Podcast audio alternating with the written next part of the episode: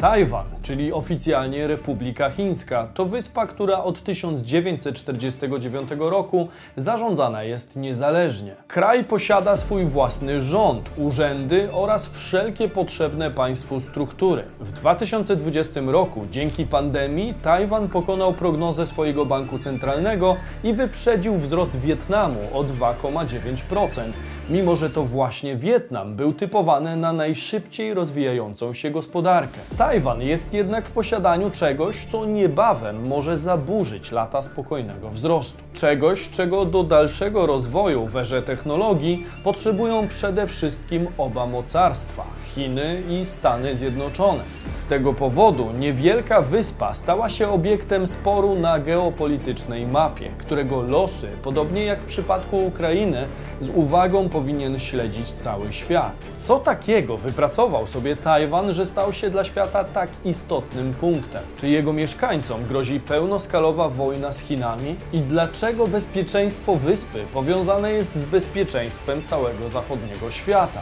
Sprawdźmy to. Bizon.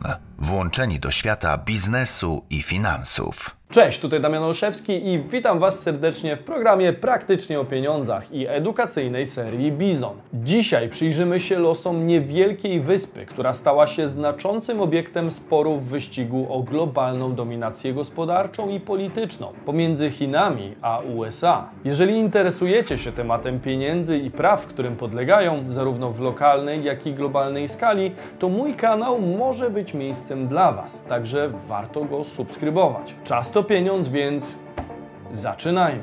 Tajwan, światowy półprzewodnik. 23,5 miliona. Tylu ludzi zamieszkuje wyspę o wielkości lekko ponad 36 tysięcy kilometrów kwadratowych. Dla porównania, w 2020 roku w Polsce mieszkało około 38 milionów ludzi, ulokowanych na powierzchni ponad 322 tysięcy kilometrów kwadratowych. W 2021 roku PKB Tajwanu wynosiło 759 miliardów dolarów, w przeliczeniu na osobę 32 122 dolary. W Polsce było to z kolei 655 miliardów dolarów, a na osobę 17 318 dolarów. Jak ma się to do potęgi mocarstw rywalizujących o względy Tajwanu? Zgodnie z danymi Narodowego Biura Statystycznego w 2021 roku chiński PKB wyniósł 17,7 biliona dolarów, co oznaczało 8,1% wzrostu w stosunku do 2020 roku. Tym samym Chiny szybko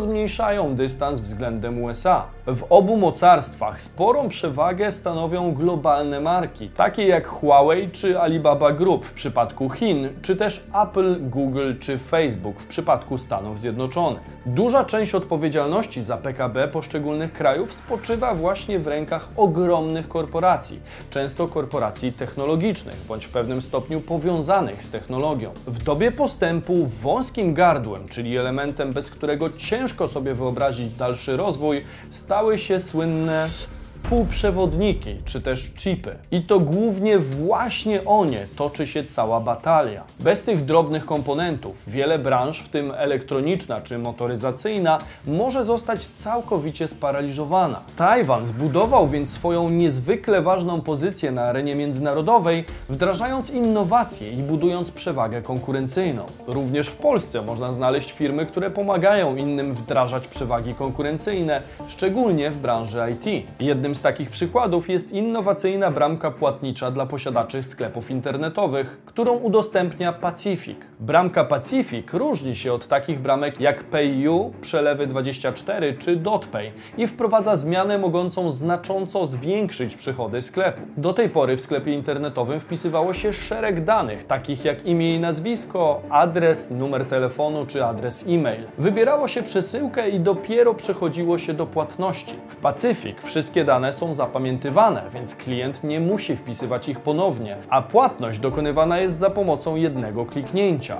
Cały proces trwa kilka sekund, przez co klienci mają mniej czasu na rozmyślenie się i porzucenie koszyka. Wtyczka będzie dostępna w pierwszej kolejności dla sklepów opartych o WooCommerce, PrestaShop i Magento. Dodatkowo klient indywidualny otrzyma także cashback za zakupy, więc bardziej opłaca mu się kupować poprzez Pacific niż tradycyjnie. Co ważne, wtyczka jest dodatkiem i może być obecna w sklepie również z innymi metodami płatności. Do tej pory na listę oczekujących zapisało się ponad 300 sklepów, a moi widzowie mogą liczyć na dodatkowe benefity. Możecie zatem wyróżnić swój sklep jako jedni z pierwszych, zapisując się pod linkiem w opisie filmu. W jaki sposób niewielka wyspa stała się tak ważna dla dalszych losów świata? Jeszcze w 2012 roku PKB Tajwanu wynosiło niecałe 500 miliardów dolarów. Z kolei import towarów z Tajwanu do USA wynosił w 2012 około 38 miliardów dolarów. W 2021 import wyniósł już prawie 70 miliardów dolarów.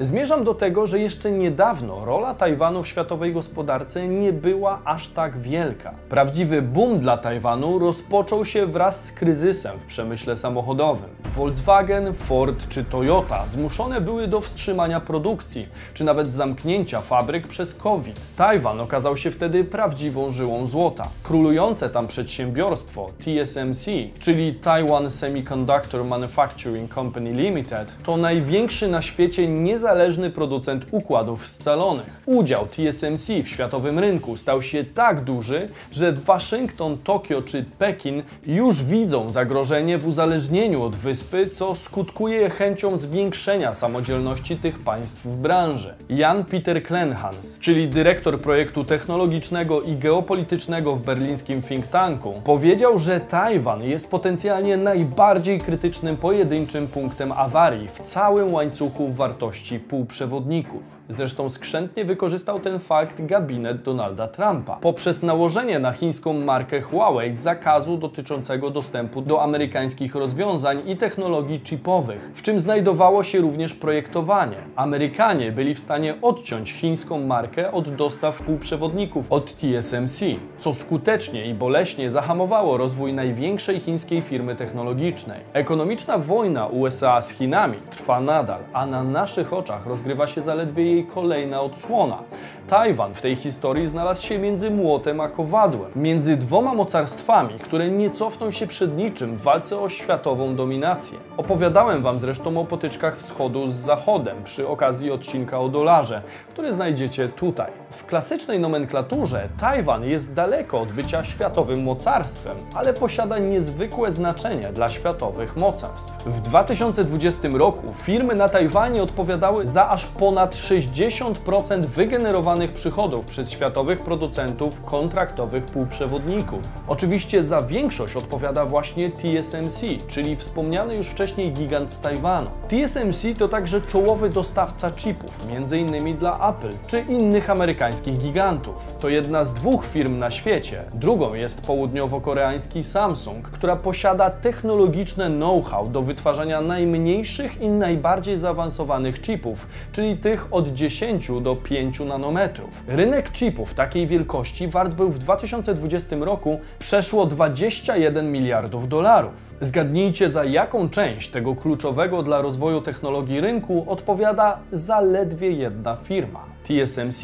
odpowiada za aż, uwaga, 90% tego rynku. To około 19 miliardów dolarów z puli 21. Stwierdzenie, że TSMC może być prawdopodobnie najważniejszą firmą na świecie, nie jest wcale na wyrost. Ambrose Conroy, założyciel i dyrektor generalny Serap, firmy konsultingowej, stwierdził, że producenci samochodów myślą, że są gigantami, najważniejszymi ogniwami łańcucha. Jak się jednak okazuje, to producenci półprzewodników są prawdziwymi gigantami, a zespoły motoryzacyjne korzystają jedynie z owoców ich pracy. Przecież jeszcze 20 lat temu na Tajwanie znajdowało się 20 odlewni, a sama wyspa była raczkującym państwem, które próbowało zaistnieć. Dzisiaj najważniejsze dla świata półprzewodniki to właśnie Tajwan.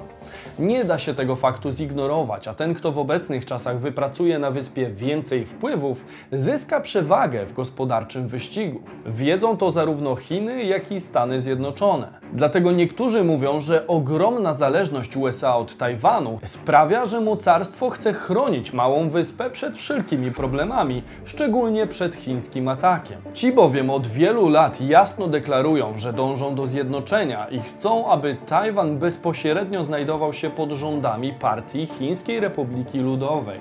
Jak zatem wyglądają relacje między Stanami, Chinami i Tajwanem? Bitwa mocarstw o Tajwan. W 1979 roku USA oficjalnie nawiązały stosunki dyplomatyczne z Chinami. Jednocześnie zerwały więzy dyplomatyczne i obronne z Tajwanem, ale nieoficjalnie dalej oba te kraje utrzymują silne relacje ekonomiczne i polityczne. Przykładem jest chociażby fakt, że w 2019 roku Departament Stanu w USA zatwierdził sprzedaż broni o wartości 2,2 miliarda dolarów. Dokładniej mówimy m.in. o zakupie czołgów Abrams. W czerwcu tego roku Tajwan otrzymał pierwsze dwie sztuki nowoczesnych czołgów od USA. Oczywiście Chiny nie są z tego powodu zadowolone. Pekin wielokrotnie wzywał Waszyngton do zaprzestania sprzedaży broni i podejmowania kontaktu z Tajpejem. Stosunek USA do Tajwanu jest dosyć specyficzny. Chodzi tutaj o klasyczną strategię dwuznaczności. Zapytacie, czym w zasadzie jest strategia dwuznaczności? Już wyjaśniam. W latach 1972, 1978 i 1982 USA podpisało z Chinami tzw. Taiwan Relationships Act, które opisują sposób postępowania Stanów wobec wyspy.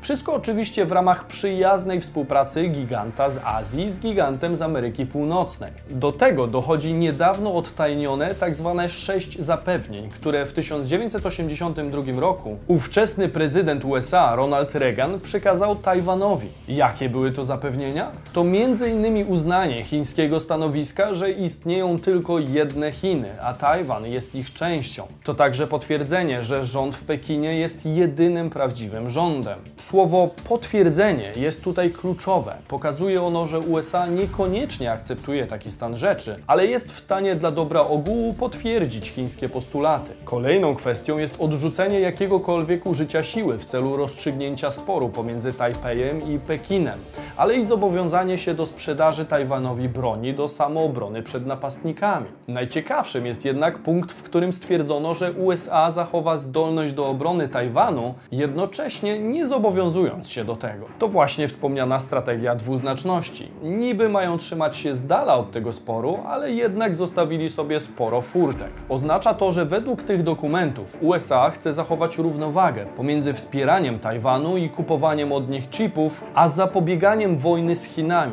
z którymi Waszyngton przecież również prowadzi interesy. Dochodzimy więc do momentu, w którym głównym celem USA jest utrzymanie pokoju i stabilności w cieśninie tajwańskiej, do czego wzywają zarówno Pekin, jak i Tajpej. Tyle, że każde z nich ma w tym odrobinę inny interes. Dlatego oficjalnie USA mówi, że nie popiera niepodległości wyspy. Pierwsze większe zbliżenie relacji Tajwanu i USA miało miejsce już za prezydentury Donalda Trumpa i to pomimo chińskich sprzeciwów.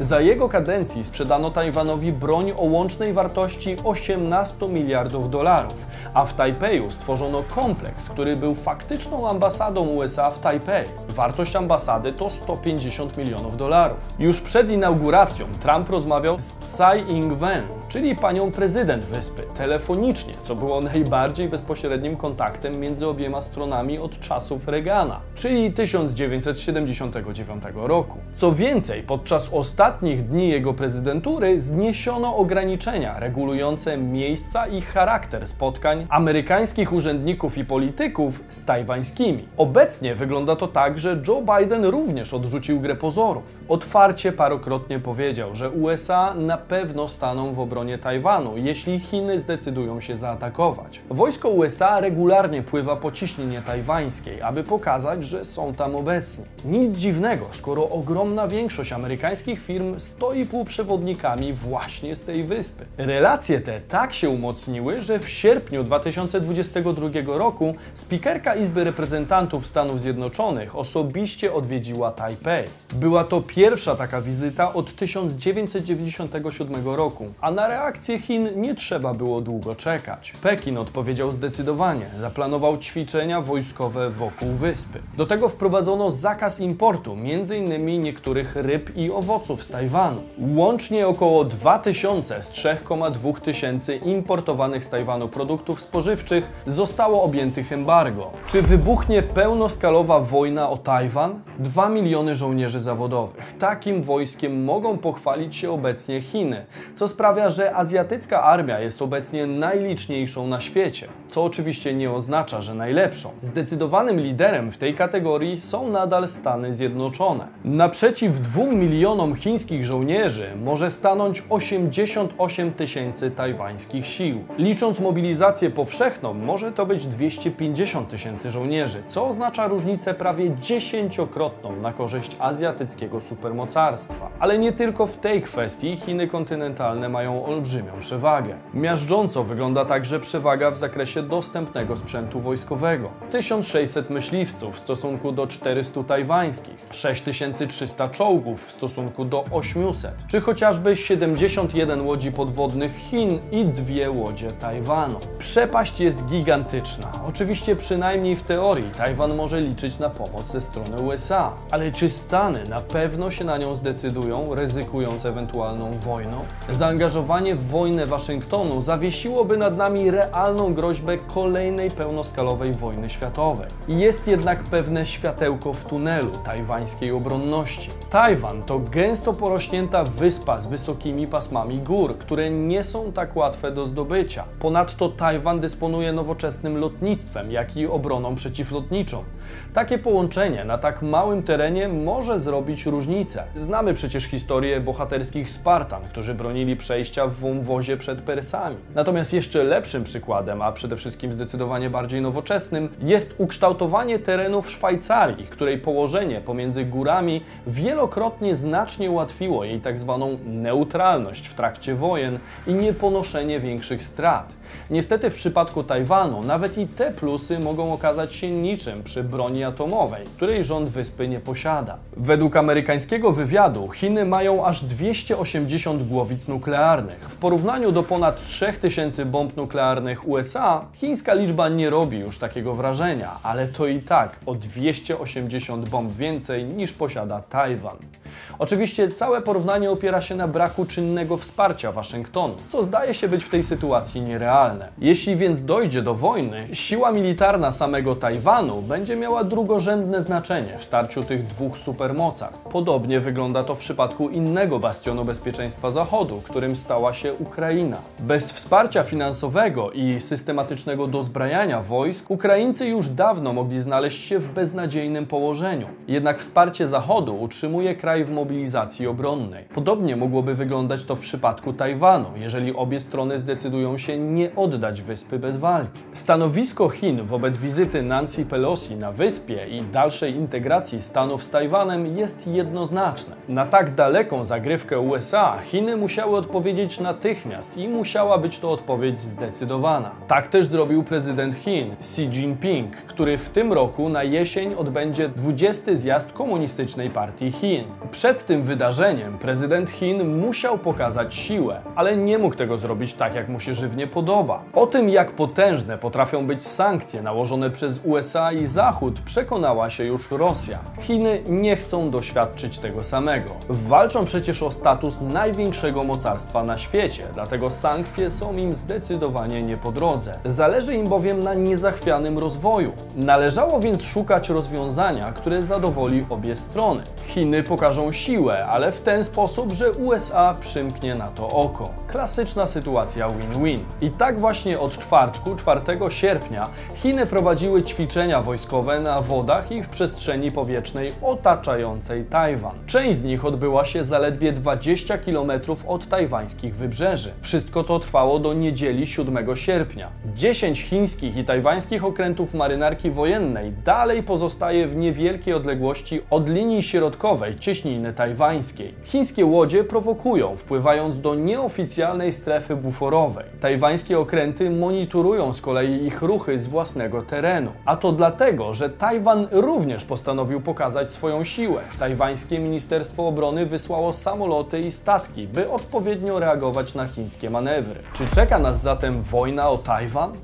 Tego dowiemy się na pewno do roku 2049.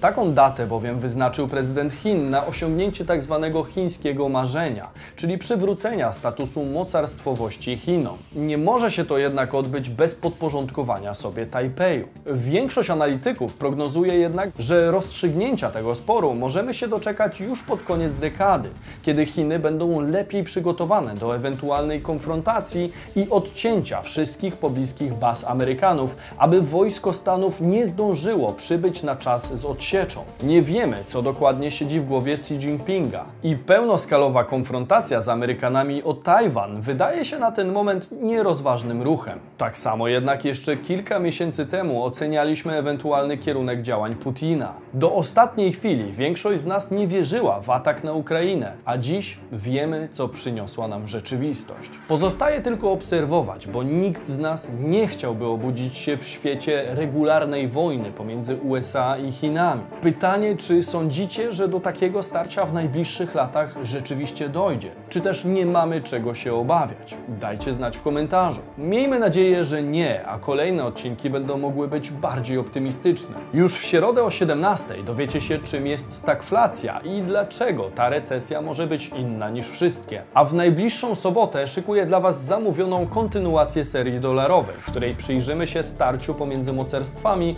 o wpływy w Afryce. Warto subskrybować kanał, aby nie przegapić kolejnych publikacji i poszerzać swoją świadomość finansową razem ze mną.